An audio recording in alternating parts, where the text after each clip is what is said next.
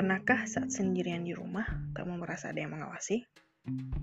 Namun saat kamu menoleh ke belakang, tidak ada. Atau kamu yang tidak bisa melihatnya. Bisa jadi dia ada di sampingmu, di atasmu, tidak, di depanmu. Hampir semua orang pernah merasakan pengalaman ini. Tapi pernahkah merasakan teror sejak Anda masih kecil dan berlangsung hingga sekarang? Di Indigo Cerita, saya akan membagikan pengalaman nyata dari kisah kecil saya hingga sekarang dan dengan penambahan cerita dari orang terdekat dengan teror horor yang sebenarnya.